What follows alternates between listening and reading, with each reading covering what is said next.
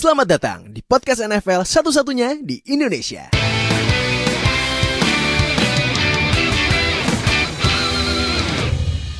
Baik sama gue Fadil host kalian di Zero Knowledge Podcast. Kita mereview week 12 yang telat banget ya. Nggak Yang ngerti, best nggak ngerti. Iya nih gara-gara National Football lemar. Eits! Orangnya gak main juga. ah. Eh, Hmm, Tapi akhirnya week 12 yang lumayan kacau sebenarnya karena satu match aja untungnya selesai. Dan mohon maaf kita uh, rilisnya tunda karena ya pasti yang pertama kesibukan kita masing-masing sama kedua ya karena ditunda itu juga. Itu satu match jadi ya udah uh, kita rilisnya hari Sabtu ya tapi nggak apa-apa lah. Yang penting tetap ada review tetap selalu weekly review sampai Super Bowl gitu. Nah bagi sama gue Fadil uh, seperti biasa berempat lagi Fadil Ohio yang makin senang ya menjauh dari Ravens ya. Hmm, makin senang ya. Nah, makin senyumnya makin lebar gitu. Nah ini juga ada Nuha yang kemarin menang tapi Seahawksnya juga menang ya? Kemarin kalah. oh kemarin kalah ya? Iya. ah, ah ya kalahnya. Hmm, duh kur- ah, lumayan krusial lagi. Tapi kayaknya masih ada peluang ya NFC West masih. tinggi sih peluangnya. Nah sama Oka yang kemarin itu menang di Thanksgiving Day ya Oh iya. Ya, yang abis itu Kapan lagi? pemainnya pemainnya dihukum 6 pertandingan. Ah iya. Gue gue baru ingat lagi anjir. Iya itu sebelum gua baca hasil-hasil tuh gua eh, ada dua breaking news. Yang pertama itu eh, WR-nya ini WR-nya Texans Will Fuller sama ininya sama sama sama ini ya. eh, siapa satu lagi? Texans kena ban juga ya enam ya? kena eh, Red- Randall Cobb kena Randall Cobb bukan kena suspensi tapi Oh, kena iya. eh, IAR. Kalau Randall Cobb kena IAR, Bradley Roby. eh, Oh berarti Robbie cornerback, cornerback-nya ya. cornerback utamanya itu kena eh, suspend juga tuh. Pantesan kemarin Will Fuller ga gacor ya ternyata pakai oh Iya iya iya iya. Itu Ya yang kan, bikin ya kan? event. Ternyata. Yang bikin event itu. Ada. Nih, gue bacain hasil-hasil di week 12 Yang pertama kemarin itu. Thanksgiving Day yang seharusnya 3 match tapi, tapi dipotong jadi 2 match. Eh, yang pertama Lions versus Texans yang menang Texans 41-25. Ini faktanya Lions kalah 4 kali game beruntun dalam hari Thanksgiving. Berarti selama 4 musim gak pernah menang. Eh, di hari Thanksgiving aduh, aduh. Yang kedua WFT lawan Cowboys menang WFT 41-16 yang Antonio Gibson ya. Gila. Yes. Dia Hmm, rushing Antonio. touchdownnya tiga rushing touchdown berarti terbanyak oleh rookie dalam hari Thanksgiving sejak 1948. Wuh, wuh. Berarti ini Antonio Gibson oroi ininya oroi stock marketnya lagi meroket banget ya. Lebih naik sih. Eh, iya. Iya, Eh, lagi naik. meroket banget ya Antonio Gibson. Nah, next tim jagoannya Chef Jun. maaf ya Chef. Chef, maaf ya dibacain skornya Chef. Raiders dibantai Fa Fal Fal Falcons loh yang ngebantai. Hmm. 43 6. Hmm. Duh, Raiders, Raiders. Maaf ya, Chef. Ini eh, Falcons poin terbanyak yang dibuat sejak week 9 tahun 2016. Gila, berarti sejak ini ya, sejak mereka masuk Super Bowl ya? Iya, iya. Wah, gila. Nah, terus eh, next Bills menang lawan Chargers 27-17. Bills ini menang pertama kali lawan Chargers sejak week 7 2008. Walah. Ini katanya Anthony Lynn lagi eh, di ini ya kursi panas ya karena keputusan yang yang aneh yang ah, gua, sorry gua gua gua sempat miss ini keputusan aneh eh, yang pas kapan ya? Gue lupa, sorry. Eh, di fourth quarter akhir itu dia kan lagi mereka lagi ketinggalan 10 poin, tapi Ah. mereka malah draw run, eh, draw run plays eh, dua kali dan Ah. mereka nggak punya time out. Jadi mereka lagi posisi ngejar gitu. Hmm, berarti ini Anthony Lynn udah masuk eh, ini ya eh, calon kursi panas yang sekarang ini yang makin panas ini Adam Gase sama Doug Maron kali ya Doug Maron ya di Jaguars Jaguars ya. Nah. Iya. Terus selanjutnya ini Bengals lawan Giants menang Giants 19-17 Giants menang tiga kali beruntun pertama kali sejak tahun 2016 dan Giants memimpin NFC East. Ah! Kurang Gua aja nih ya, gua aja nge ngedit playoff picture, naruh Giants di seat 4 aja tuh udah ini serius ya? ini divisi apa sih? Just Aduh. describe how bad that. Aduh, aneh banget nih divisi. Next, Browns lah ih Browns lap, Browns lawan Jaguars menang Browns 8 eh 27 25 Browns 8 plus wins pertama kali sejak 2007 berarti 2007 yang ini yang uh, skor uh, striker 10 6 ya.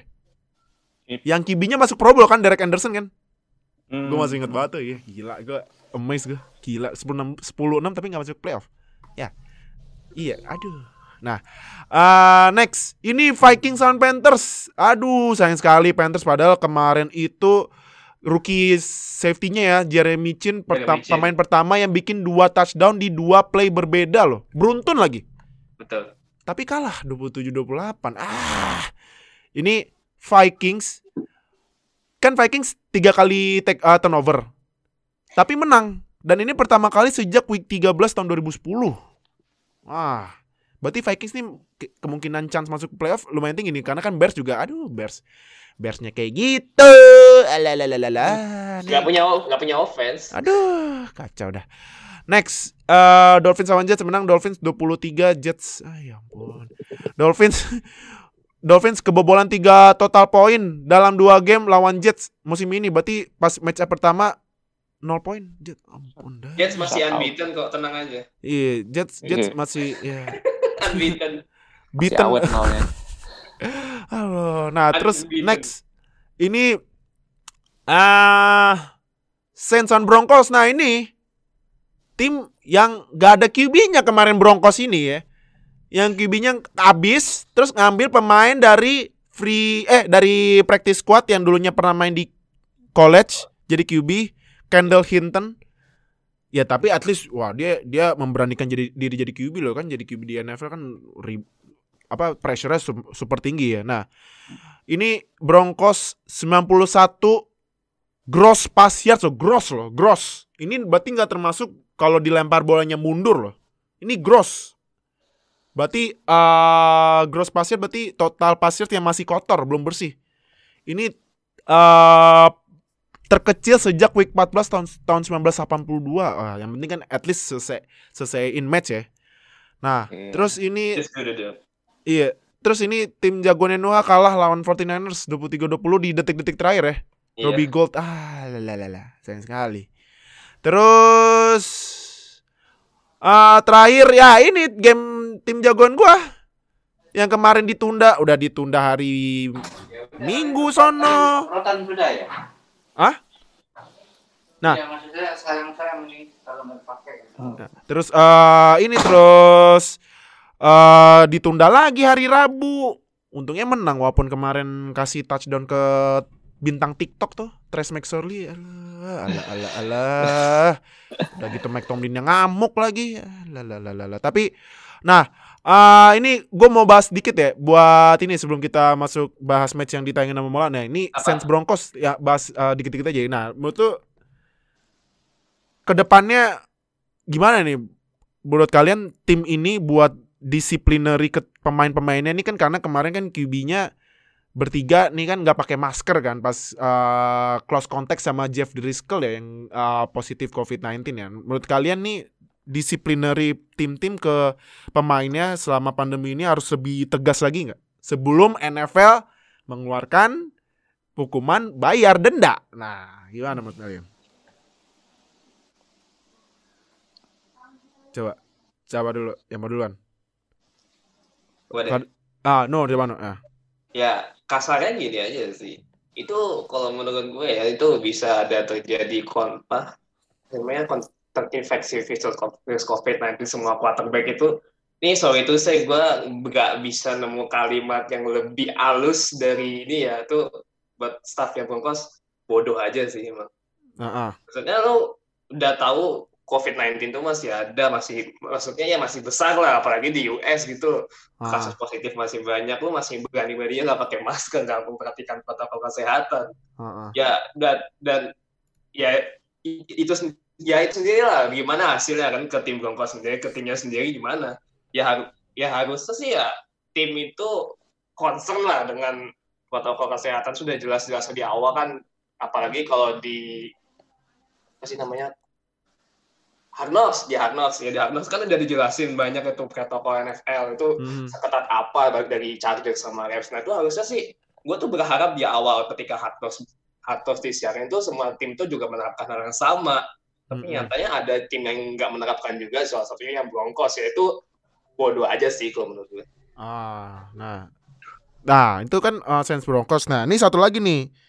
Ini game yang Steelers Ravens yang ditunda dua kali itu menurut kalian logis nggak sih NFL nunda sampai dua kali gitu?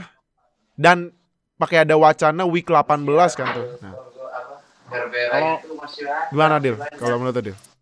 Kalau menurut gue nggak nggak masuk akal ya. Menurut gua either lu kena hukuman forfeit udah langsung dihitung kalah gitu, Hah? atau ya gitu. mau nggak mau beneran dikasih hukuman yang yang beneran berat gitu.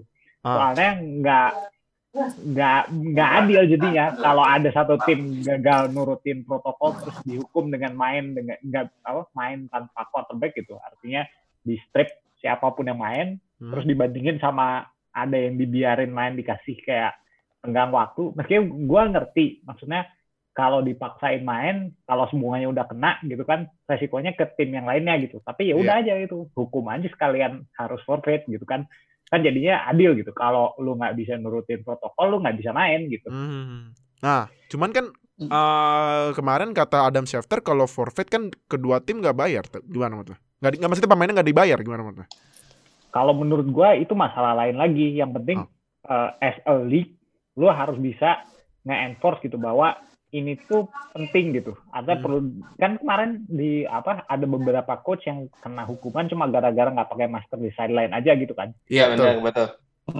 Eh, yang yang disayangkan dari kepemimpinannya Godel ini adalah nggak konsisten gitu penerapannya. Iya, Kadang-kadang kayak Iya. kadang di enforce, kadang enggak gitu. Jadi kan kita ngelihatnya uh, as a neutral team ya, misalnya Mhm. sebagai tim ketiga gitu yang uh, enggak main dan nggak kena gitu si peraturan kita kan jadi bingung gitu. Kenapa ada tim yang kena, kenapa timnya ada yang enggak gitu kan.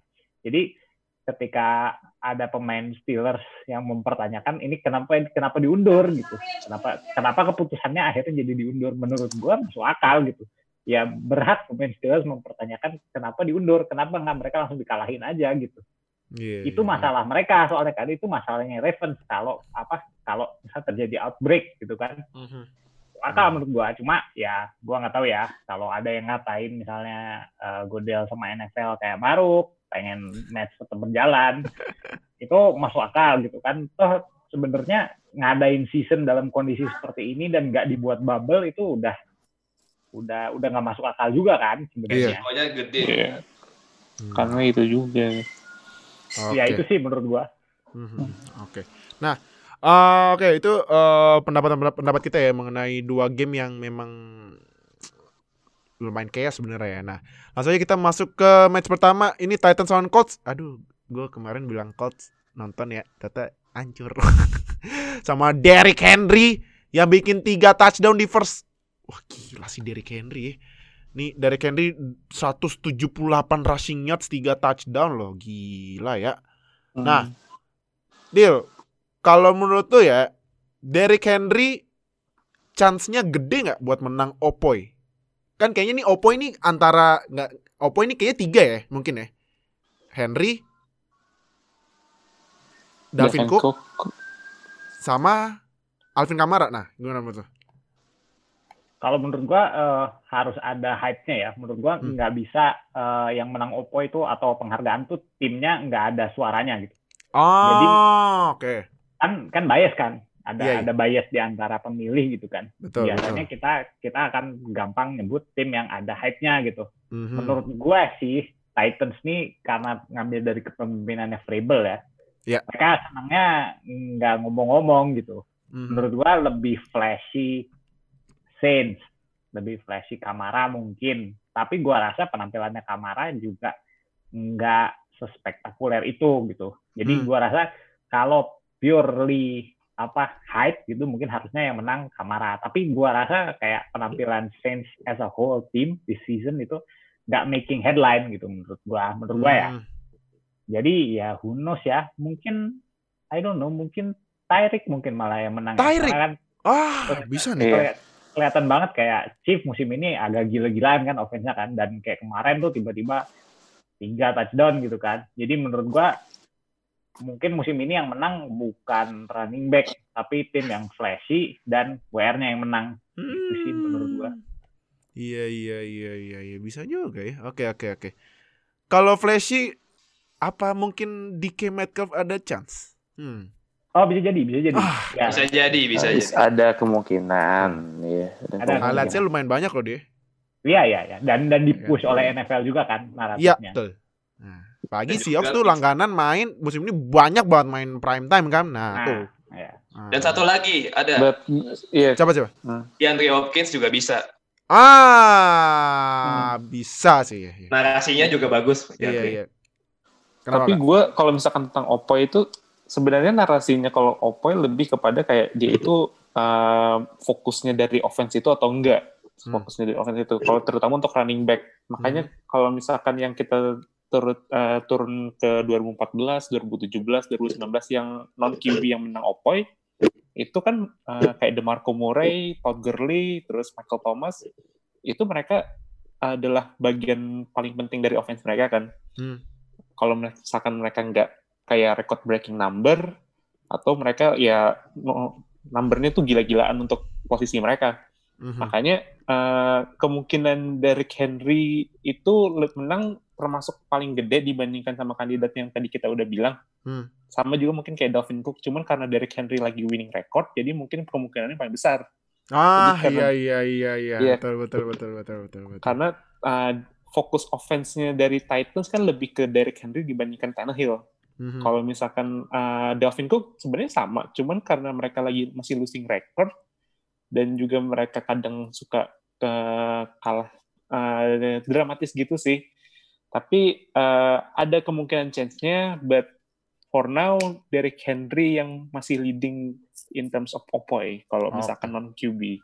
Oke oke oke. Nah, Kak, kalau menurut Colts apa yang salah nih? Eh, nggak ada yang salah banget sih kayaknya sih karena Derrick Henry happens ya.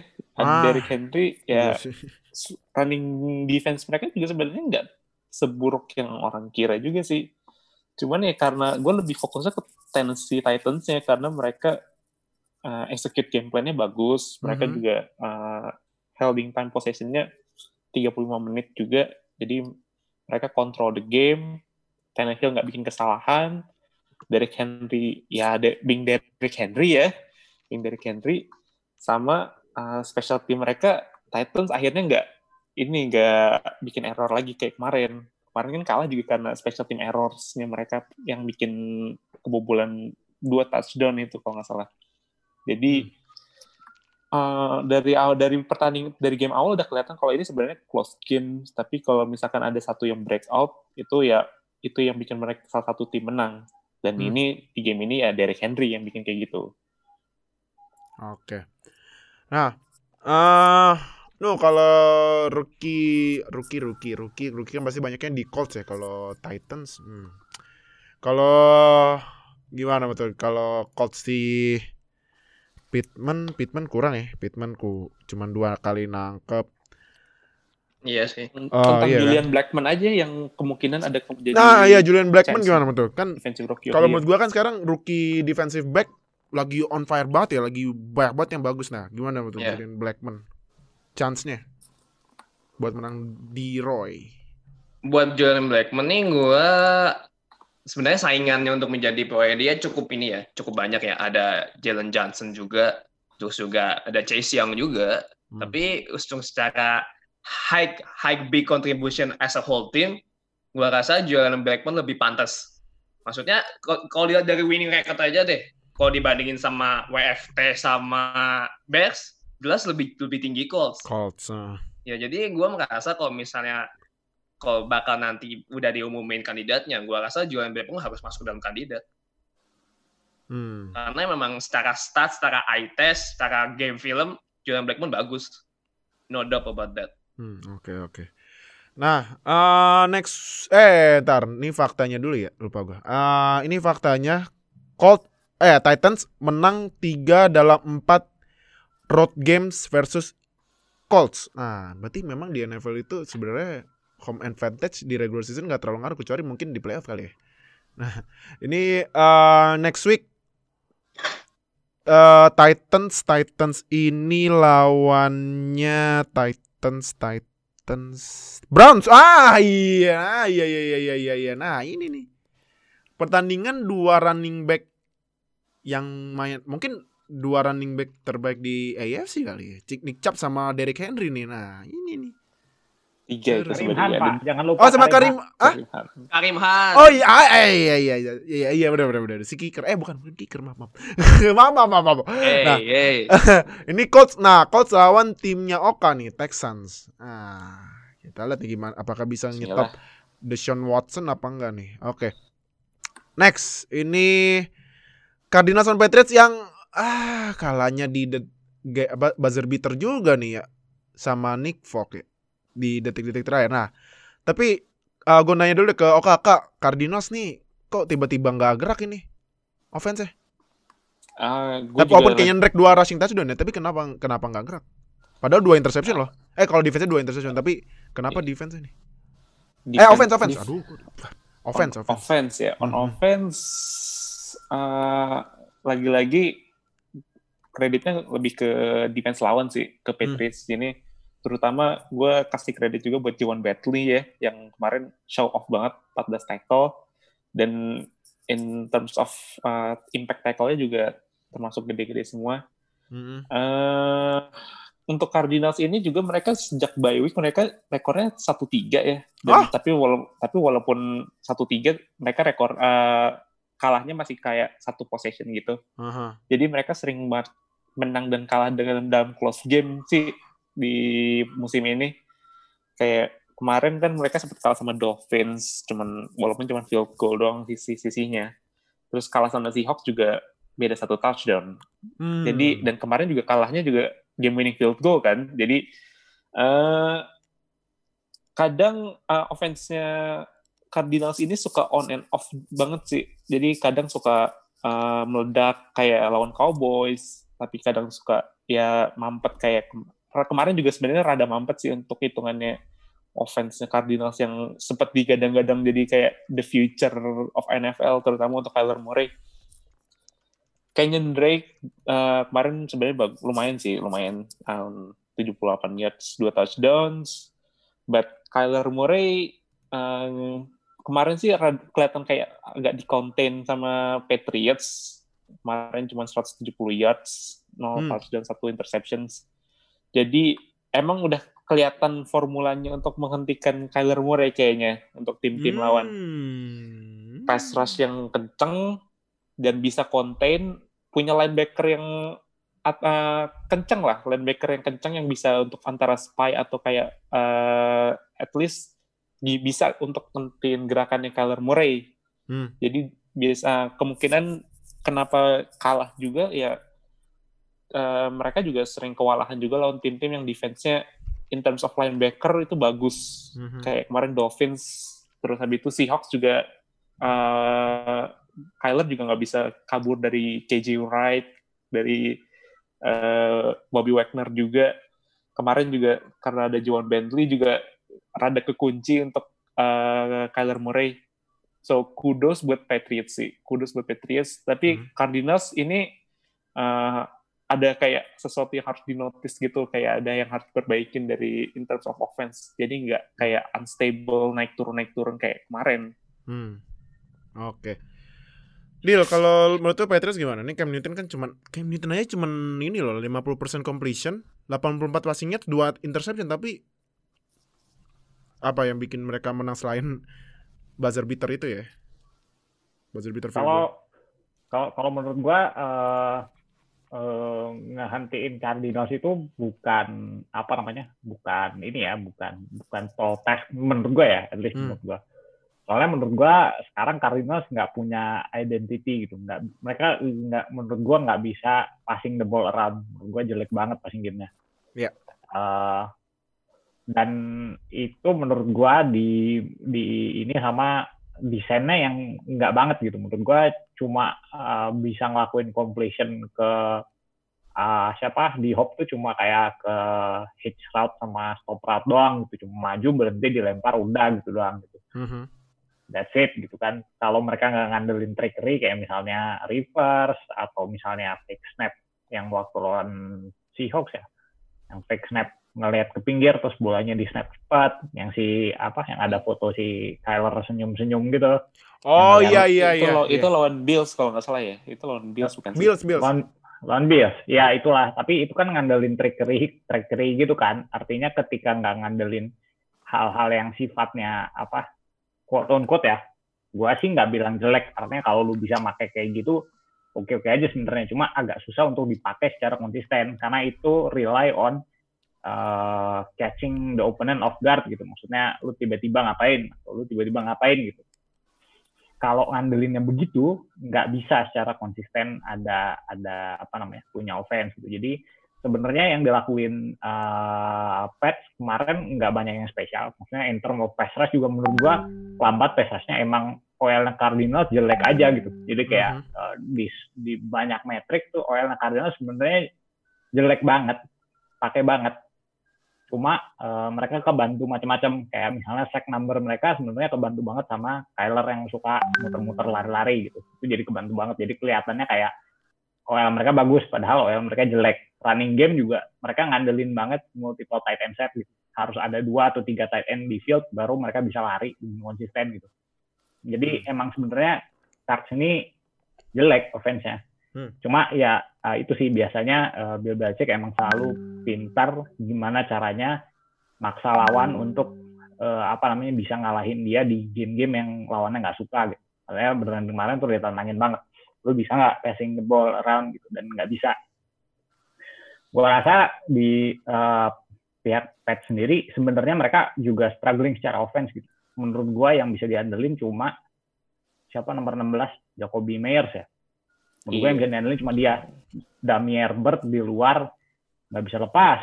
Terus running game juga menurut gua bergantung sama heavy set apa namanya harus ada TE ekstra segala macem itulah. Mhm.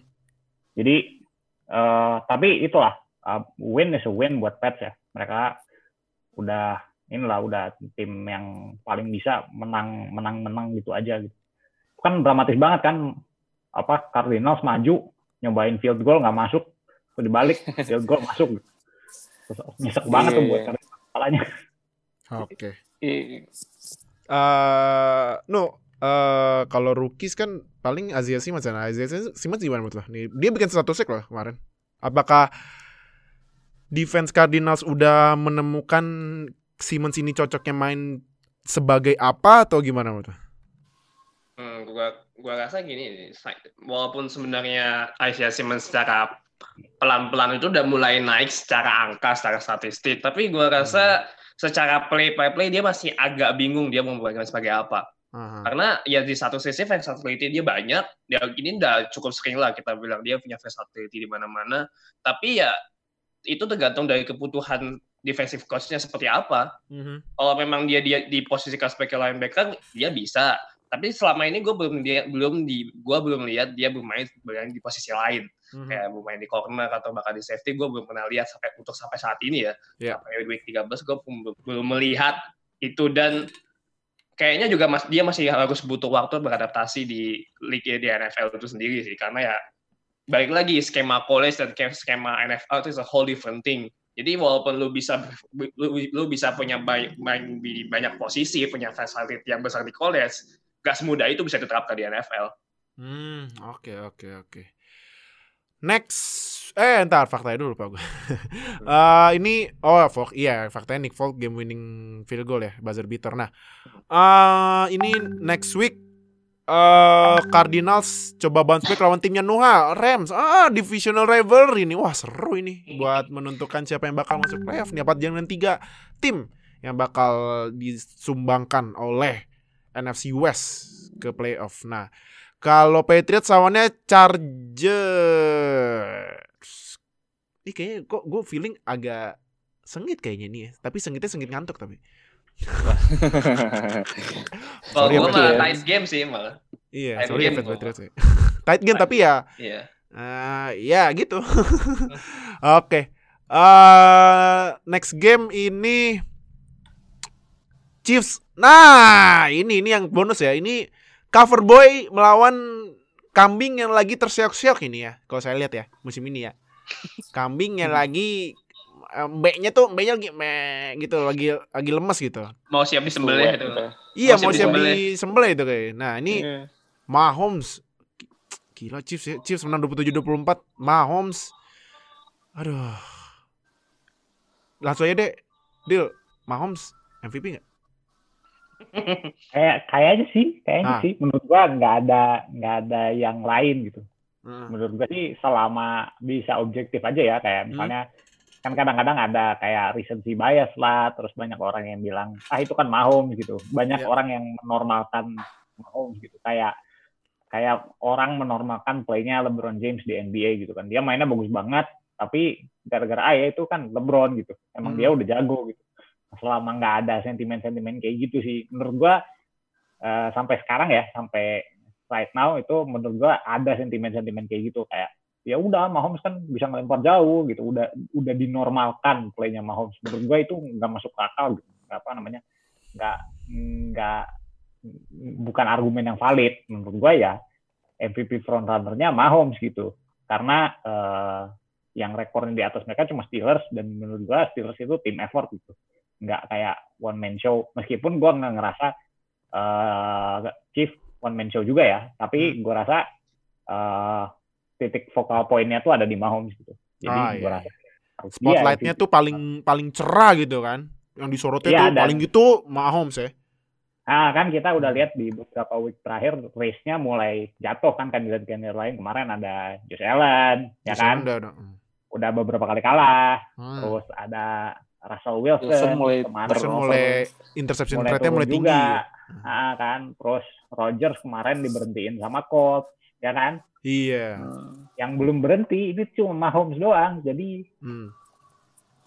Oke, oke, oke. Nah, tapi ini kalau gue lihat Tyreek Hill uh, uh, 13 kali nangkep 269 receiving yards 3 semua berarti tak semua touchdownnya Mahomes ke Tyreek Hill ya. Nah, nah tapi, tapi gini, pasti kan kalau orang-orang pada bahas best wide receiver itu pilihannya antara DeAndre Hopkins, Michael Thomas, Davante ya, Adams, ya ya. kalau misalnya masih di relate sama musim kemarin ya. Davante Adams. Davante Adams, um, coba lagi, coba gini ya.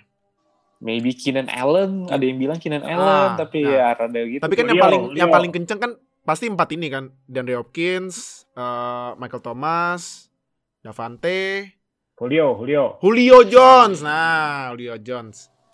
Tyreek Hill perlu dimasukin gak nih? Menurut gua Nah, layak dong. Layak. ah tuh.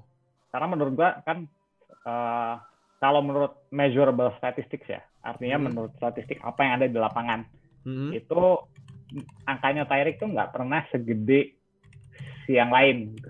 Heeh. angkanya segede si orang-orang lainnya itu tapi menurut gue itu ada dua alasannya satu karena dia main bareng Kelsey artinya dia satu-satunya yang main di tim dengan adanya dominan eh, receiver yang lain ya nggak Mhm. nggak cuma nggak nggak cuma wide out tapi end juga termasuk receiver yang lain yang dominan juga gitu yang Mhm. bisa separate terus apa punya insting yang bagus gitu. Nah, tapi menurut gue juga yang kedua alasannya adalah karena dia itu banyak dipakai nakut-nakutin defense gitu. Ah. Iya, iya. Dipakai di situasi yang emang tujuan dia tuh semata-mata buat ngabisin safety-nya gitu. Jadi bawahnya tuh bisa kosong banget. Kadang-kadang Hmm. suka suka lihat gitu kan. Apa namanya? eh Chief lagi main terus kayak ada pemain lari di bawah gitu. Siapa Hartman atau si siapa ah? eh, Hopkins.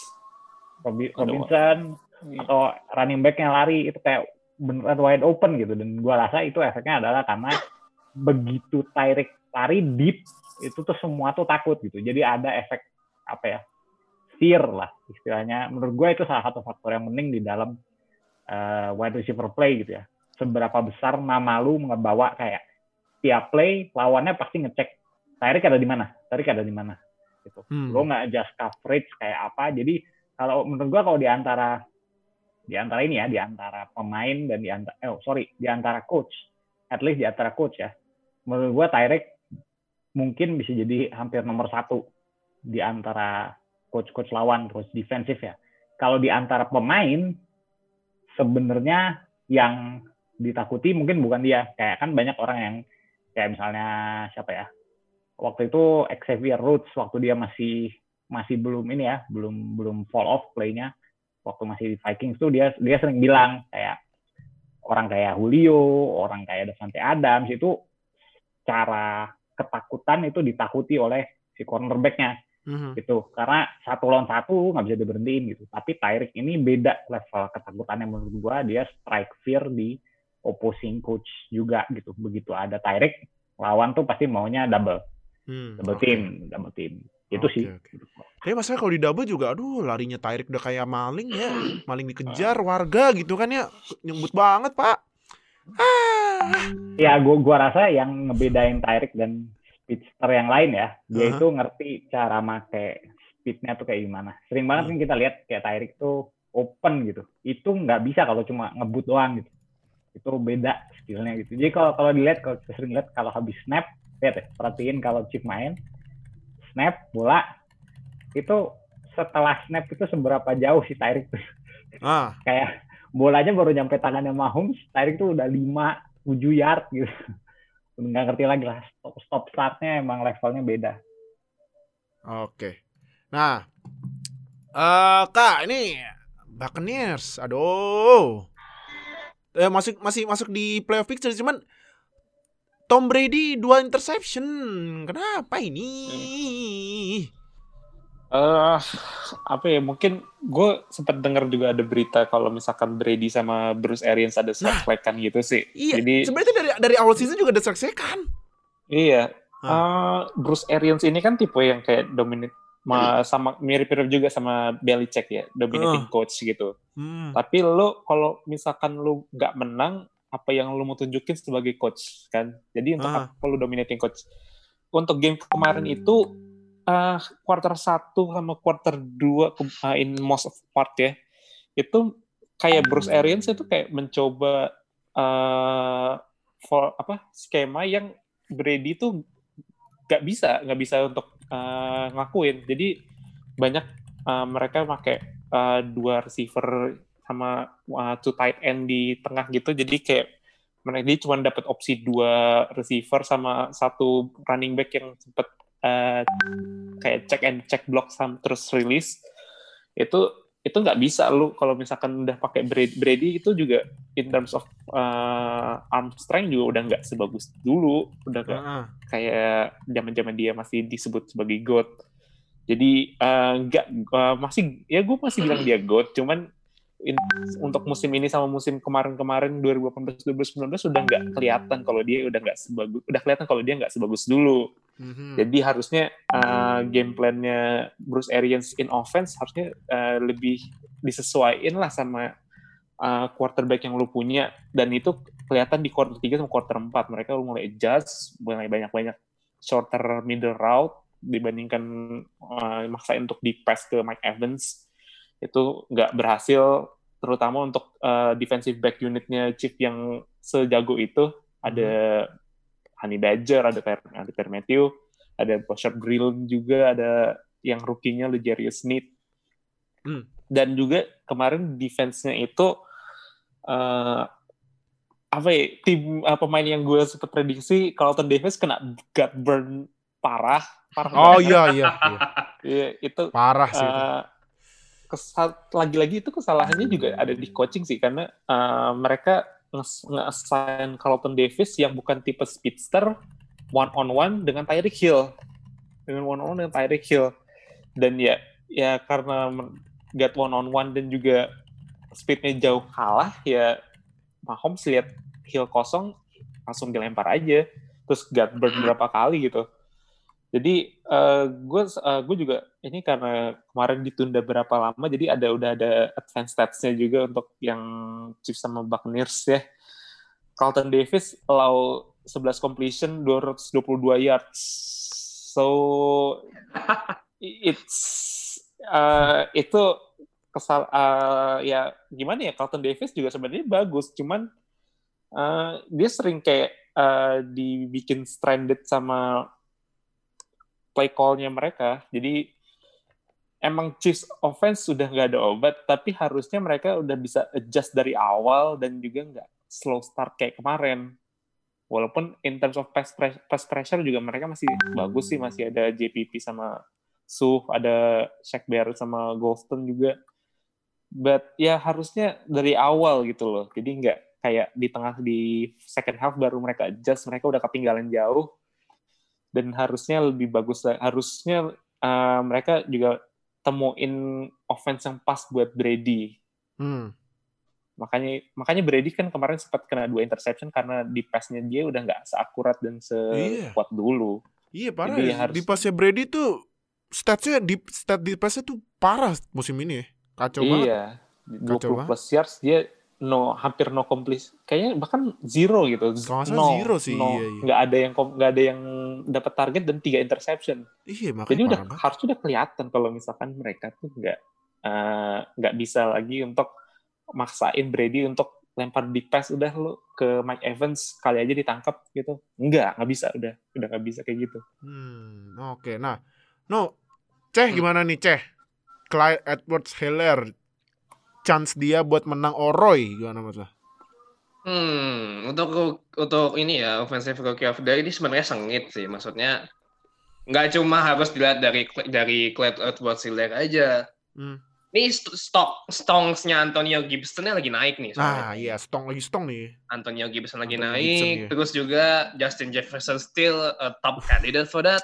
Terus juga Herb, Herbert juga masih masih menjadi top kandidat buat menang soalnya kan Burrow udah nggak masuk contention ya, Iya. Burrow udah nggak masuk dan tiba-tiba ada satu nama lagi yang mencuat nih, Oh, Tua siapa? Tagovailoa.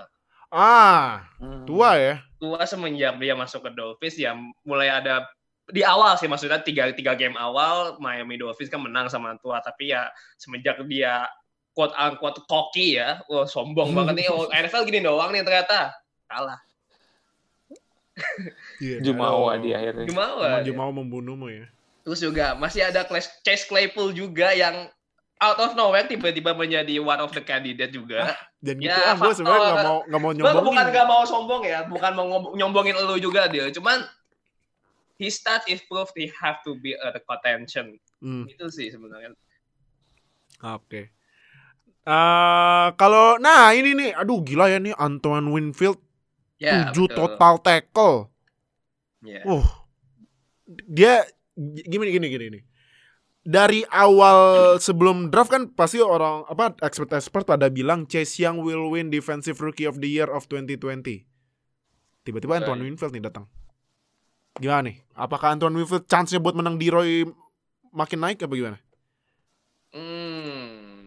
Kalau secara win record bisa sih. Maksudnya kan kalau mau dibandingin sama Ah iya win record Washington ya. sama Buccaneers jelas lebih jauh si Buccaneers. Mhm. Dan juga kan untuk def- defense safety memang saingannya juga agak banyak. Maksudnya khusus, khusus untuk posisi defensive back aja ya. Ada Jalen Johnson, ada tadi juga di, di Colts juga udah kita bilang Julian Blackmon. Terus juga Jeremy Chin, jangan Jeremy lupa Chin. Jeremy Chin juga itu masuk contention. Itu safety mem saya maksudnya defensive back sekarang tuh memang bagus-bagus ya. Maksudnya juga keren-keren juga mainnya dan Antoine Winfield juga salah satunya gitu. Dan dia kan cuma dia cuma allowed to reception doang sih maksudnya secara stats personal dia ya. Walaupun ya cuma allowed to reception aja. Gila. Walaupun secara overall Buccaneers defense-nya ya ngablu juga sebenarnya. Tapi ya untuk apa untuk performa stats just individual ya bagus. Dah itu aja. sih. Hmm. Oke oke oke. Nah, faktanya ini Chiefs. Oh, ya, faktanya si Tyreek Hill ya 200 gila 269 receiving yards 3 touchdown loh. Gokil ya. Udah punya dia di fantasy point. Ah, udahlah. Ah, apalagi dan- udah mau playoff ya. Nambah dikit deal, nambah Ah. dikit. Dan itu juga yang bikin kenapa Clyde Edwards Hiller nggak terlalu perform di match kali ini. Ah. Karena Semuanya dikasih ke Tyreek Hill. Ah iya iya iya iya iya iya iya. Ah iya bener juga ya. Nah, jadi buat lo yang punya Tyreek Hill di fantasy, wah udahlah lo bahagia lo. Itu hasil poinnya Tyreek Hill bisa totalan tiga pemain kali ya. Atau dua lah kali ya, dua kali PPR ya. Wah gila sih. Iya. Gila sih. 57, koma berapa tuh katanya tuh tertinggi kedua dalam sejarah NFL fantasy loh. Gokil emang. Nah, next week ini Buccaneers lawannya oh Buccaneers bye bye bye bye sorry. Gue baru inget Buccaneers bye. Kalau Chiefs bro, lawan Broncos lagi-lagi main di prime time ya maklum karena cover boynya NFL lah ya. Jadi harus Hmm. kasih prime time yang banyak buat cover boy kita ya kan? Nah nanti kalau misalnya Mahomes ya kenapa-napa ntar ditunda-tunda lagi nggak ya? Hmm. Ah, Lihat nih. udah. Lihat nih lagi. NFL nih. protes satu NFL itu. Ah, ya udah gitu. Jadi itu next match ya. Next ini uh, di rivalry tertua di NFL tapi ya ya hasil pertandingannya ya terlalu dominasi ini Packers dan ini QB-nya Bears pakai Trubisky loh. Waduh. Cuman ya hasilnya ya ya gitu deh. Lempar dua interception. Ah aduh nggak ada bedanya emang. Jadi eh tapi ini kemarin Allen Robinson dua touchdown cuman kalau menurut tuh deal Packers eh gimana? Kalau menurut lo? Gue sih seneng-seneng aja ya lihat apa namanya lihat tampilannya Aaron Rodgers. Menurut gue kayak eh, bisa gitu ada ada ada offense yang kohesif gitu kan. Kan pertanyaannya adalah eh, selalu pertanyaan adalah gimana caranya nyimbangin antara Rodgers yang mainnya lempar bola-bola deep sama run game yang bagus gimana caranya supaya ada keseimbangan gitu. Jadi nggak nggak nggak berat sebelah gitu kan. Kita tetap pengen ngelihat Packers manfaatin uh, Rodgers yang memang jago banget ngelempar bola. Sama kita pengen lihat juga Packers secara sistematik ngebantu gitu. Jadi beban kerjanya Rodgers nggak berat-berat amat gitu Mhm. menurut gua uh, ini apa work in progress maksudnya. Kadang-kadang kayak kemarin pas lawan apa Colts kan kelihatan kayak susah gitu segalanya susah gitu kan. Tapi gua rasa kalau diniatin bisa gitu. Itu lebih ke ya happy medium aja gitu antara coachnya minta apa yang dilakukan sama Rodgers sama gimana Rodgersnya ngerespon itu kan. Dari dari week ke week itu kan sebenarnya kalau sekarang kan ada itu tuh ada apa namanya siapa kickernya bukan kicker mantan panternya Colts oh Uh, Rigoberto Sanchez. bukan bukan oh ini Mantan, Pat mantan. McAfee nah Pat McAfee. McAfee Oh. dia tiap tiap minggu kan ngadain show kan Iya, iya. dia tiap minggu ngadain show dan tiap minggu uh, dia ngundang Aaron Rodgers nih jadi sebenarnya menarik banget gitu uh, ngedengerin kayak ya apa, apa bedanya dari minggu ke minggu gitu gimana penampilannya terus game plan-nya tuh kayak apa terus apa yang dirasakan Rodgers gitu. Sebenarnya gue ngerasa yang paling besar uh, bedanya antara zamannya uh, McCarthy sama zamannya LaFleur ini adalah kebebasan pemain. Kayak kalau menurut gua nih kalau menurut gua nggak akan mungkin Rodgers dibolehin ngelakuin itu tiap minggu nongol di show-nya Matt McAfee pas masih dulu gitu Iya, Sampai banget. Ah, iya. lo kayak bisa ngebocorin game plan segala macam tapi uh, LeFleur ini kayak generasi baru dari coach gitu yang mereka nggak terlalu apa namanya mentingin soal hal-hal itu. Mereka ngerasa ya kalau lawannya apa pinter gitu coachnya ya mereka pasti udah bisa lihat offense kita tuh kayak apa gitu. Jadi lu ngomong-ngomong kayak gitu bebas nggak ada masalah. Yang penting ada rasa nyaman gitu. Artinya ada apa kebebasan yang diberikan gitu. Menurut gua uh, going forward modelnya kayak gitu ya. Kayak uh, si siapa? Si McVay gitu kan dia tampilannya. Kayak orang-orang ganteng-ganteng gimana gitu kan. Terus Hmm. dia memberikan kebebasan kayak uh, apa kan kan baru setelah eranya LeFleur uh, di Packers tuh latihan tuh ada musiknya. Dulu tuh latihan tuh nggak ada musiknya sama sekali. Oh. Jadi gua rasa sih uh, memang yang beneran kelihatan itu adalah komunikasi antara apa namanya antara pelatih sama Rodgersnya bagus gitu nyambung. Jadi offense-nya jalan. Itu sih menurut gua. Cuma memang kalau dari segi defense saya selalu ada something yang kurang gitu. Kayak super agresif defense-nya Packers tuh cuma apa ya uh, rada nggak imbang gitu antara antara run defense sama pass defense-nya. Kayak beneran diberatin di pass defense-nya doang gitu. Pass rush pass rush blitz blitz blitz cuma ya kayak kemarin kan itu play pertama itu apa namanya run bukan play pertama sih drive pertama ada run gede banget yang lewat tengah gitu. itu sih paling dari gue agak nggak imbang aja intinya Oke, nah, eh kak, Bears, aduh, udah play callingnya udah diganti dari Matt Nagy ke sekarang offense-nya kan OC-nya sekarang play calling play callernya. ya? Iya, udah ganti ke OC-nya sekarang. Iya. tapi ya ya Trubisky. Gimana menurut? lu? Ah, gimana ya? Tapi eh Ah, tapi tapi at least Trubisky rekornya musim ini unbeaten loh daripada Nick Foles. Cuman ya kal- Sekar- sekarang karena kalah kalah jadinya. kalah kalah akhirnya Hmm.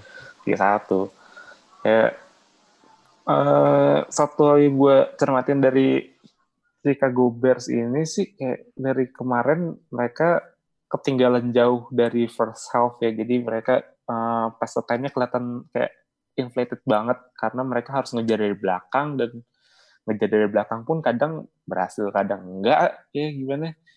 Cuman eh, gue pun juga udah curiga dari awal sih. Jadi gue nggak kemakan hype sama yang ada yang kema rada kemakan hype gara-gara mereka sempat 5-1 kan. Cuman karena 5 satunya itu kan mereka kayak menangnya menang-menang tipis menang-menang dramatis gitu kan. Ada yang timnya blow the ada yang timnya gagal eh, PD di menit-menit akhir Hmm. Ah, se- kalau defense sih mereka eh, kemarin ya ke expose banget sih sama Aaron Rodgers yang kayak leluasa aja gitu, leluasa nggak eh, nggak eh, s- Chicago Bears ini juga kayak susah untuk eh, ngentiin receiver-receivernya dari Packers ini. Nggak cuma Devante Adams kemarin tuh, ada Tonyan juga sering bebas, terus habis itu ada eh, Ellen Lazar juga balik lagi. But yang paling bermasalah emang Chicago Bears itu adalah dari offense-nya. Karena mereka sering gagal juga uh, in terms of rushing offense dan karena mereka ketinggalan jauh mereka kayak udah udah uh, nggak mikirin lagi run-nya, udah pass terus aja. Dan nggak bisa juga mereka kayak gitu karena quarterback mereka juga kondisinya juga kayak gitu. Mereka cuma punya Trubisky sama Foles. Trubisky yang error prone, yang gampang bikin kesalahan, sama Nick Foles yang lu nggak bisa ngarepin terlalu banyak. Kecuali kalau keajaiban terjadi ya. Kalau misalkan Nick Foles. Jadi, play call juga bermasalah. Ada, walaupun udah ganti ke OC-nya yang play call, tapi tetap aja ya begitu. Cuman 10 poin di second di first half dan gampang dan ini lawannya tim yang defense-nya in terms of defense gak sebagus tim-tim lain loh. Green Bay Hmm. itu enggak. Green Bay itu masih sering salah uh, assignment kayak zone-nya kayak mereka harus read zone mana tapi tiba-tiba mereka ada di mana.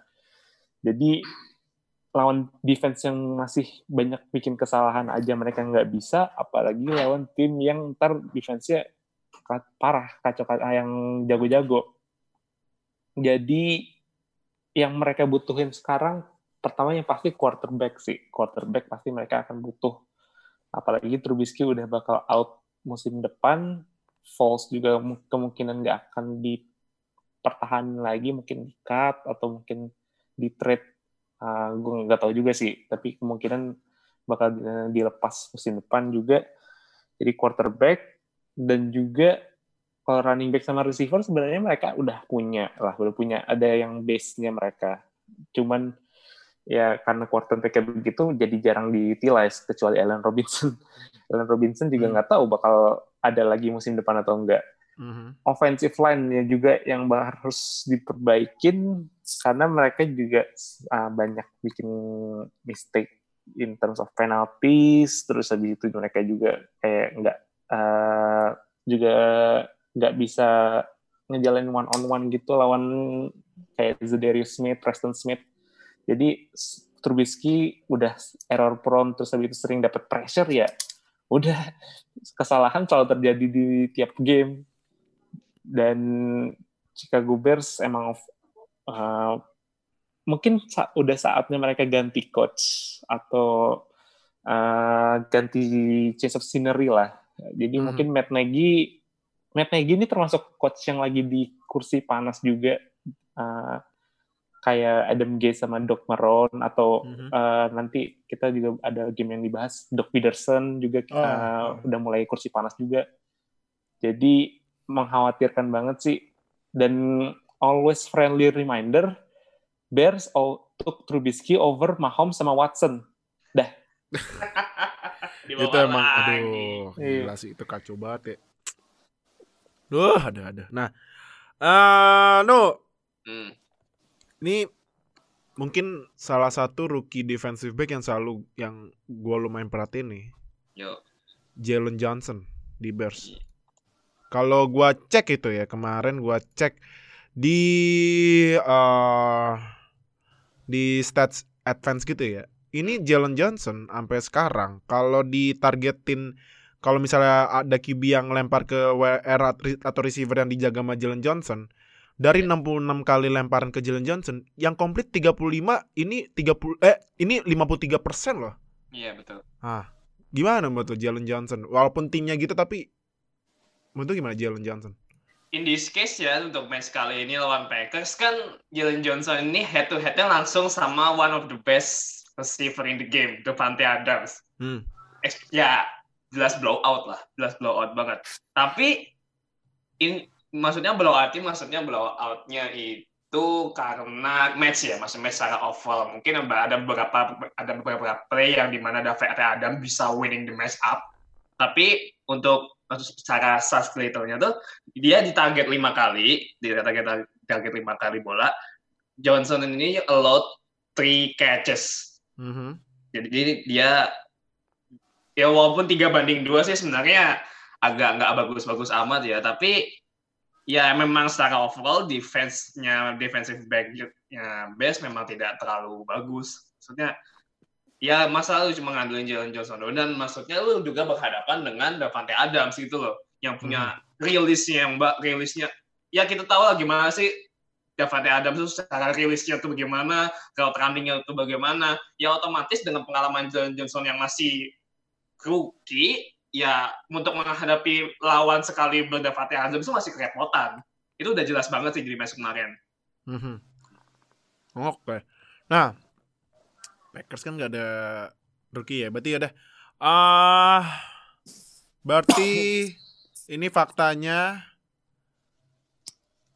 Packers ini ngeskor 41 poin itu itu tertinggi kedua lawan Bears sepanjang era Super Bowl. Nah, next week itu Packers lawannya Eagles. Ah. Ah. Next. Aduh. Gue kalau setiap kalau lihat lawannya NFC East, next. eh tapi lagi sebe- tapi NFC East sebenarnya yang lagi seru sih. Itu semua tim masih ada chance itu. Justru Dibanding sama tim-tim dibanding sama divisi sekarang lain kan. lagi jelek-jeleknya eh, NFC East malah lagi seru-serunya Malah lagi aja. seru iya. Semua empat tim tuh ada chance buat menangin divisi mak justru. Nah, Saking jeleknya malah menjadi seru ya. iya. Iya makanya. Nah, kalau Bears lawan Lions. Nah, ini kalau misalnya Bears masih nggak bisa bounce back lawan Lions, aduh. Udah start 5-0 kalah. Lima- iya, lima- 5-1 sempat- sih. lima- Eh, lima satu ya. lima satu men- 5-1 terus Kak. Hmm, Lions Kacau juga oke loh. iya, kacau nih kalau misalnya masih kalah nih. Nah, Nah, Terakhir, uh, nah. gue sedikit potong dikit Boleh, untuk yang Bears lawan Lions itu ini harus jadi comebacknya Bears offense sih karena Lions ini defense ya well rada-rada average gitu tapi kemarin aja Watson bisa bisa bagus performance-nya kan di Thanksgiving. Jadi kalau misalkan Bears offense nggak bisa show up lawan Lions itu semua coach di offensive uh, side-nya mereka itu harus ada harus ada perbaikan tuh. Ganti atau mungkin ada adjustment lagi yang harus dibikin. Hmm, oke. Nah, terakhir Seahawks lawan Eagles. 23-17 tapi tapi lumayan tapi lumayan ya ya agak-agak sengit juga sih cuman eh ini kemarin di uh, DK Metcalf ya. Gila ya. 10 kali nangkap 177 receiving yards. ya. Nah, Deal, kalau menurut lo nih DK Metcalf apa kalau buat di musim-musim selanjutnya harus udah jadi long term investmentnya Seahawks ya? Jadi jadinya harus buang loket atau loketnya harus bayarnya lebih murah gitu. Eh, gua rasa nggak ada ini ya, nggak ada apa namanya, nggak ada eh, kebutuhan sampai berapa, mungkin dua tiga tahun lagi baru baru keputusan itu harus diambil. benar untuk apa namanya untuk kontrak uh, the earlier you deal with it lebih uh, lebih menguntungkan ya. Artinya ketika lu deal sebelum kontraknya habis, kontrak rukinya habis, lu bisa nawar lebih murah sebenarnya jatuhnya lebih murah. Benar itu. Dan memang benar skill setnya DK itu kan dia uh, sifatnya uh, kalau kasarnya ya, kalau kasarnya bahasa orang awamnya itu dia WR nomor satu gitu kan, dia WR utamanya gitu.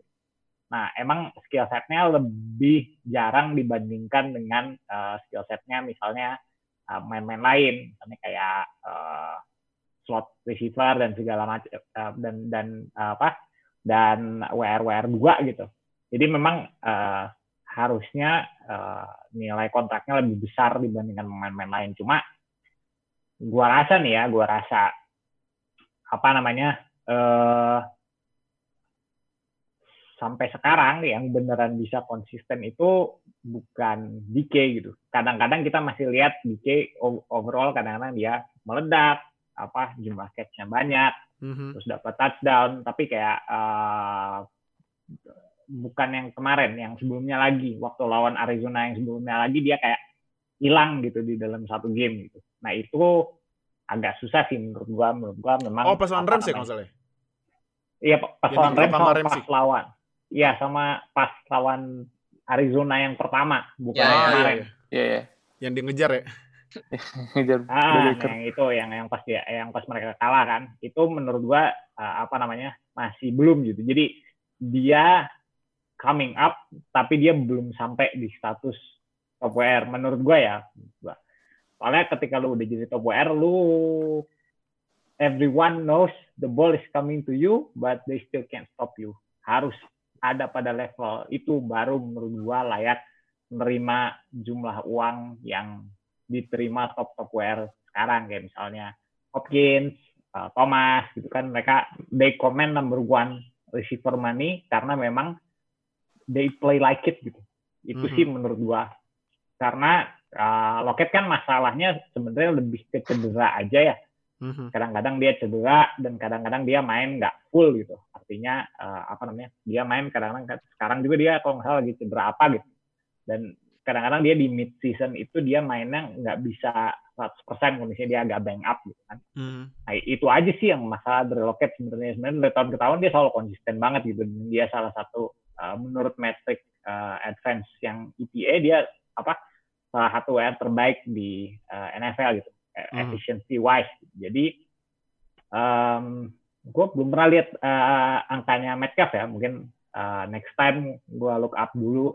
Tapi menurut gue uh, belum belum sampai mungkin ke depannya akan akan seperti demikian gitu. Artinya uh, tra trajektorinya memang lagi naik banget nih si Metcalf.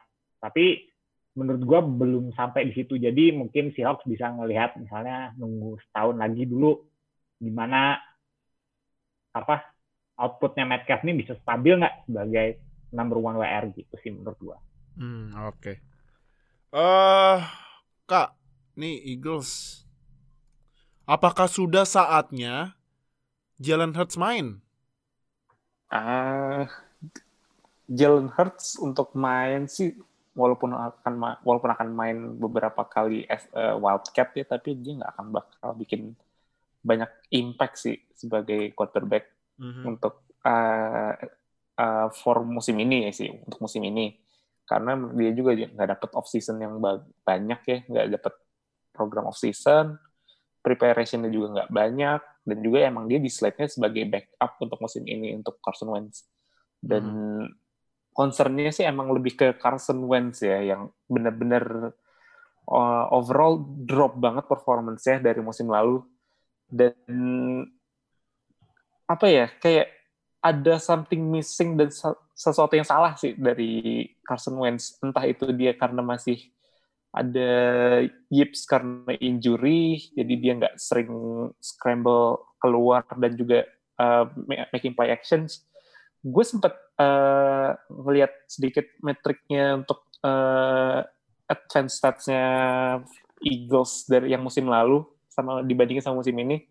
Yang satu yang gue sedikit notice adalah mereka udah jarang main play action. Mereka jarang main play action. Uh, jadi dia uh, Carson Wentz uh, banyak main di shotgun dan juga kayak nggak uh, harus main clean in pocket dan udah quick uh, quick read, quick pass kayak gitu-gitu aja. Hmm.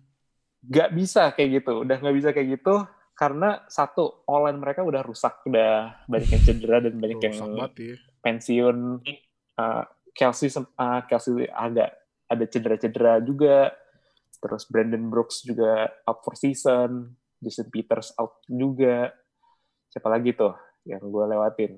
Kayaknya Lane Johnson. iya Lane Johnson juga out. Jadi itu semua udah sisi udah online-nya Eagles itu udah second string tuh, udah second string. Jadi lu main shotgun dan mengharapkan shotgun kalau misalkan uh, no play action berarti dia harus ada di stay di pocket dan pocketnya harus bersih. Dan online-nya begitu. Online-nya pun gitu. Online-nya gitu. Jadi online-nya uh, jelek semua dan lu disuruh untuk main di clean pocket ya nggak bisa. Jadi play calling juga berpengaruh di situ. Sama satu lagi kayak Wentz ini terlalu sering untuk uh, maksain bola ke uh, receiver yang sebenarnya udah triple cover, double cover. Jadi kayak istilahnya kalau kita tuh bilangnya main hero ball. Hero ball. Ah. Jadi uh, dia bisa ngambil rate yang lebih aman dan sebenarnya hasilnya tuh sama aja, mungkin first down atau kayak uh, gainnya lumayan gede.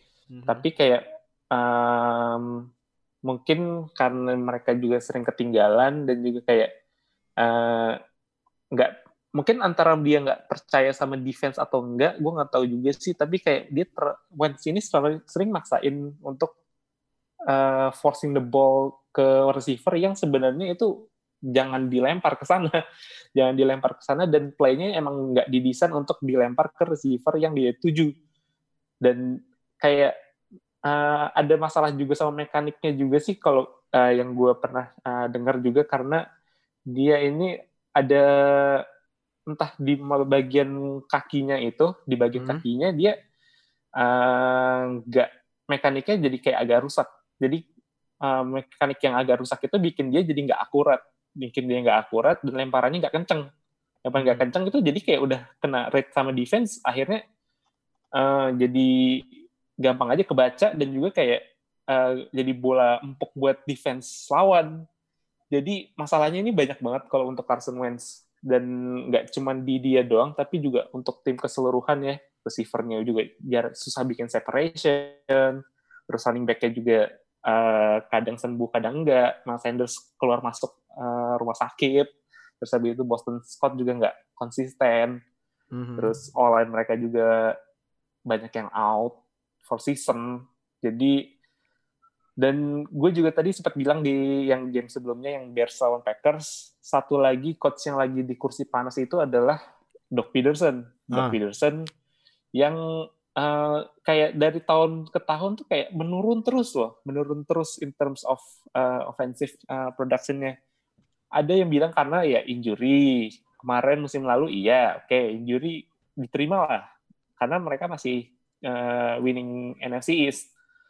Tapi kalau musim ini udah uh, Wentz-nya uh, fall off the cliff offense-nya nggak berkembang dan nggak punya personal juga ya nggak bisa dan dia nggak adjust dan dia nggak adjust dengan personal yang dia punya dan juga kondisinya sekarang ini Mhm. akhirnya ya jadi nggak menghasilkan hasil yang sama kayak musim lalu. Kalau musim lalu masih bisa menang beberapa kali, tapi kalau sekarang udah rusak banget, udah rusak banget. Gue udah nggak, udah nggak tahu lagi, gue udah nggak bisa komentar gue.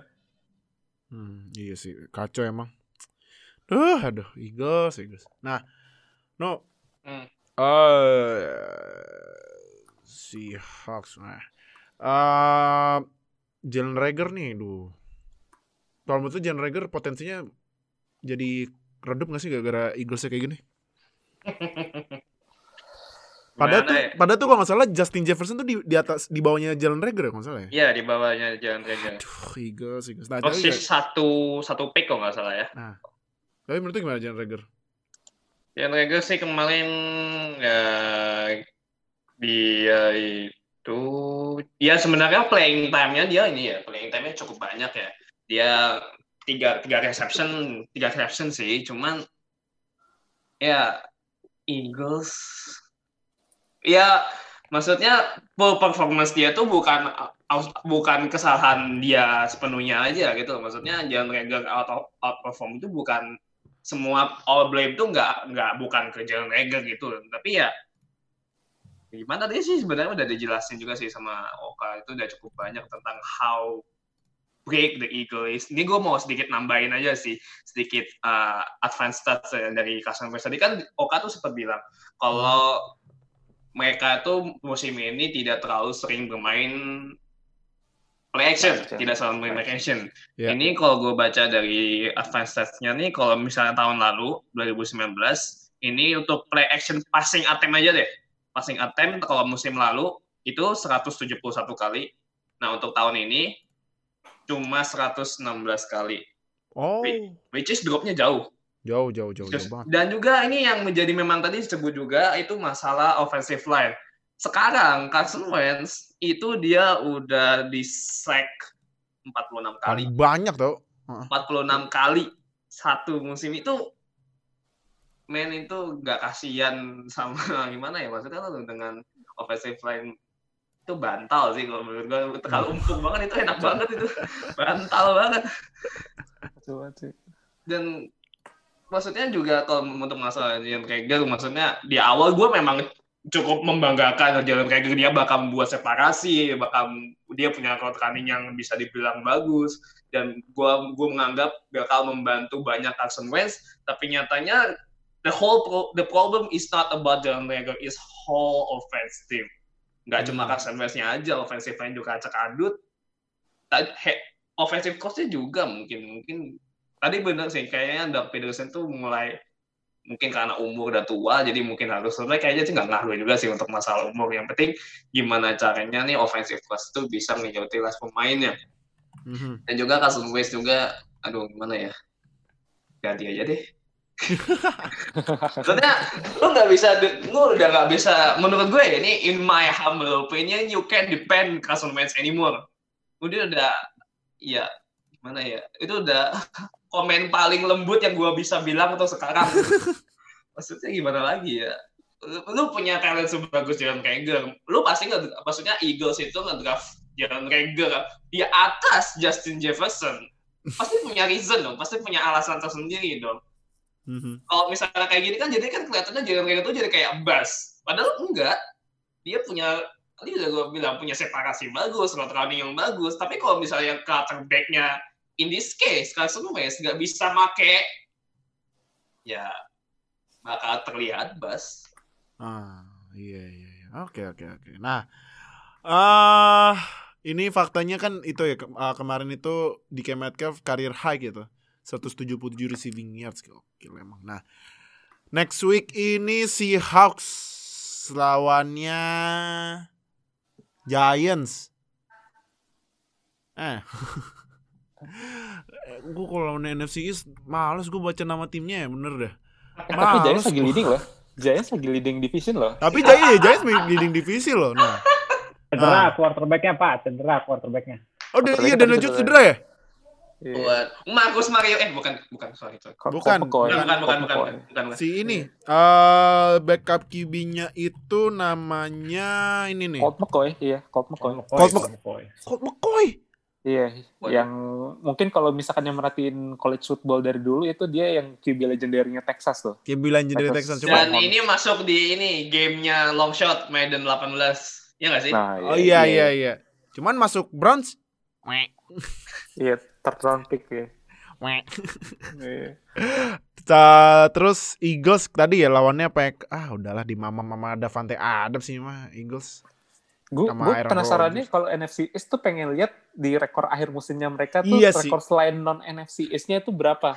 Iya ini Ini sekalian aja ya, sekalian aja. Ini kan karena reviewnya udah selesai, jadi eh, itu review week 12 kita. Nah, ini sekalian aja. Gua mau bacain playoff picture-nya itu kalau di NFC kan pertama Steelers. Iya iyalah, Mas Beaton. yang Iya. hihi, yang kedua. Oh, Oh iya ya video ya video ya video video. Oh iya, Iya, buat lo yang udah nonton videonya, tuh. ya gitulah kelakuan gue ya. Bisa gue disuruh taruhan ya, gue kalah ya udah. Ngikut lo ya kan, I'm man of my word gitu ya udah. Iya. Nah. Iya. Pertama Steelers 11-0, yang kedua Chiefs 10-1. Yang ketiga Titans 8-3, yang keempat Buffalo Bills 8-3. Nah, kenapa Titans di atas Bills? Karena Titans ini menang tiebreak lawan Buffalo karena kemarin Titans menang lawan Bills ya. Kalau nggak salah itu kemarin Titans menang lawan Bills di week eh ntar gue cek dulu nih. Titans lawan Bills iya menang di week 4 42-16. Hmm. Nah, ini game yang si Derrick Henry oh enggak Derrick Henry enggak enggak meledak sih, cuman AJ Brown lumayan. Tapi di defense-nya memang turn up sih Oh, kemarin. meledak meledak yang Derrick Henry, Steve Arm, Josh Arm. Oh iya, oh iya, that Steve Arm moment ya. That Iya. Steve Arm moment bener bener bener bener bener. Nah itu jadinya Titans di atas Bills. Nah seat kelima tim jagoannya Fadil Ohio nih Browns 83 loh seat 5 Gokil ya. Seat ke-6 Miami Dolphins 74, seat ke-7 Colts 74 juga tapi Dolphins di atas karena Dolphins menang tiebreak uh, berdasarkan dari uh, winning percentage di conference gamenya. Jadi Dolphins ini rekor conference gamenya 4-3, Colts 3-4. Nah itu tiebreak ya. Nah itu uh, playoff picture AFC. Di NFC ini seat pertama Saints 92, seat kedua Seahawks 83, ketiga Packers juga 83. Tapi Seahawks menang karena menang tiebreak berdasarkan dari strength of victory-nya. Nah, sebenarnya gue masih kurang paham strength of victory ya. Cuman ya nanti kalian baca di Google atau nanti mungkin gue bikin mungkin microblog nanti gue jelasin lah pelan-pelan ya. Nah, eh jadi itu strength of victory-nya Seahawks titik 438, Green Bay Packers titik 420 gitu. Nah, seat keempat Skip, skip, skip, skip, skip. Jangan disebut, jangan disebut, jangan disebut, jangan disebut. Perlu sih? perlu nggak sih? Baca Gak apa-apa lah ya, gak apa-apa, gak apa-apa, Ya, nggak apa-apa lah ya, demi formalitas aja, demi formalitas. Formalitas. Buat meng- menghormati lah. Meng Iya, iya, respect, menghormati ya, iya. Fans Giant banyak loh. Iya, Giants bener juga. Cuman banyak. New York Giants rekornya 47. Itu kebalikan dari Rams tau gak sih? Allah Akbar. Gak, gua, gua, 47. bo- tim gue boleh tukar ke NFC East gak sih? Nah, itu Kayak boleh bisa bisa tuh, menang. bisa. Bisa. Ih, Ning gitu aja gue. Aduh. Ini juga Giants kan rekornya sama sama WFT ya. Cuman eh, Giants yang mimpin NFC East karena kemarin menang Eh, menang tiebreak lah, menang tiebreak head to head sama WFT kan kemarin sempat menang kan si Iya, Giants lawan WFT. Nah, seat kelima tim jagoan Noah Rams 74 loh kok. Nih NFL ini aja deh. Ganti sistem dah. Udah Ah, back jadi itu persis aja. udah. Iya. Kayak NBA aja dah. Aduh. 47 bisa lolos playoff, 7 Iya loh. peringkat 5 tuh apa? Seat Gitu ke-6 sih. Buccaneers 75 Seat ke-7 Cardinals 65 nih ya Nih ya nih ya Kalau misalnya pakai sistem based on winning percentage ya Ini sebenarnya New York Giants tuh di seat nomor 11 pak Gak layak masuk playoff. Allah Akbar nih divisi Ampun dah Hah, udahlah. Jadi itu eh, playoff picture-nya udah itu review kita di week 12. Thank you banget yang udah nonton di YouTube, thank you banget udah nonton di eh nonton. Thank you udah dengerin di Spotify.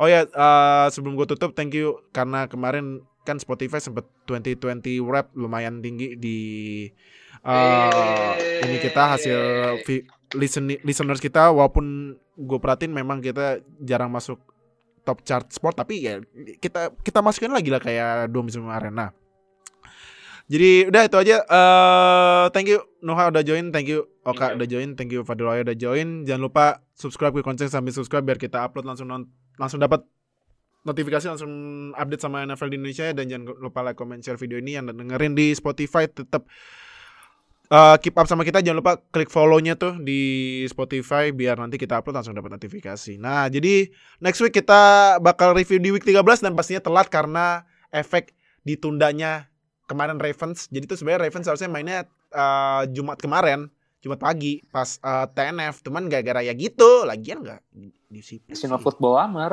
emang. Iya, makanya National Football lamar. Jadi Terus ya jadi mainnya hari? Hah? Mainnya jadi kapan? Mainnya jadi hari kalau di sini ya, kalau waktu di sini jadi mainnya hari Rabu pagi. Rabu Rabu pagi football. Rabu pagi football ya. Thursday Night Football. Tapi tapi untungnya di- didayangin sama Mola TV dong ya. Nah, Jadi, itu. Yo, itu dia. Untungnya ada tontonan Rabu pagi. Jadi udah itu aja buat week 12 review. Thank you udah nonton, thank you udah dengerin. See you di episode review selanjutnya ya. Dadah. Dadah. Terima kasih telah bergabung dengan Zero Knowledge Podcast. Follow kami di Instagram dan Twitter at NFL Fans Indo. Atau bergabung dengan kami di Line Square dengan keyword NFL Fans Indonesia. Sampai jumpa di podcast berikutnya.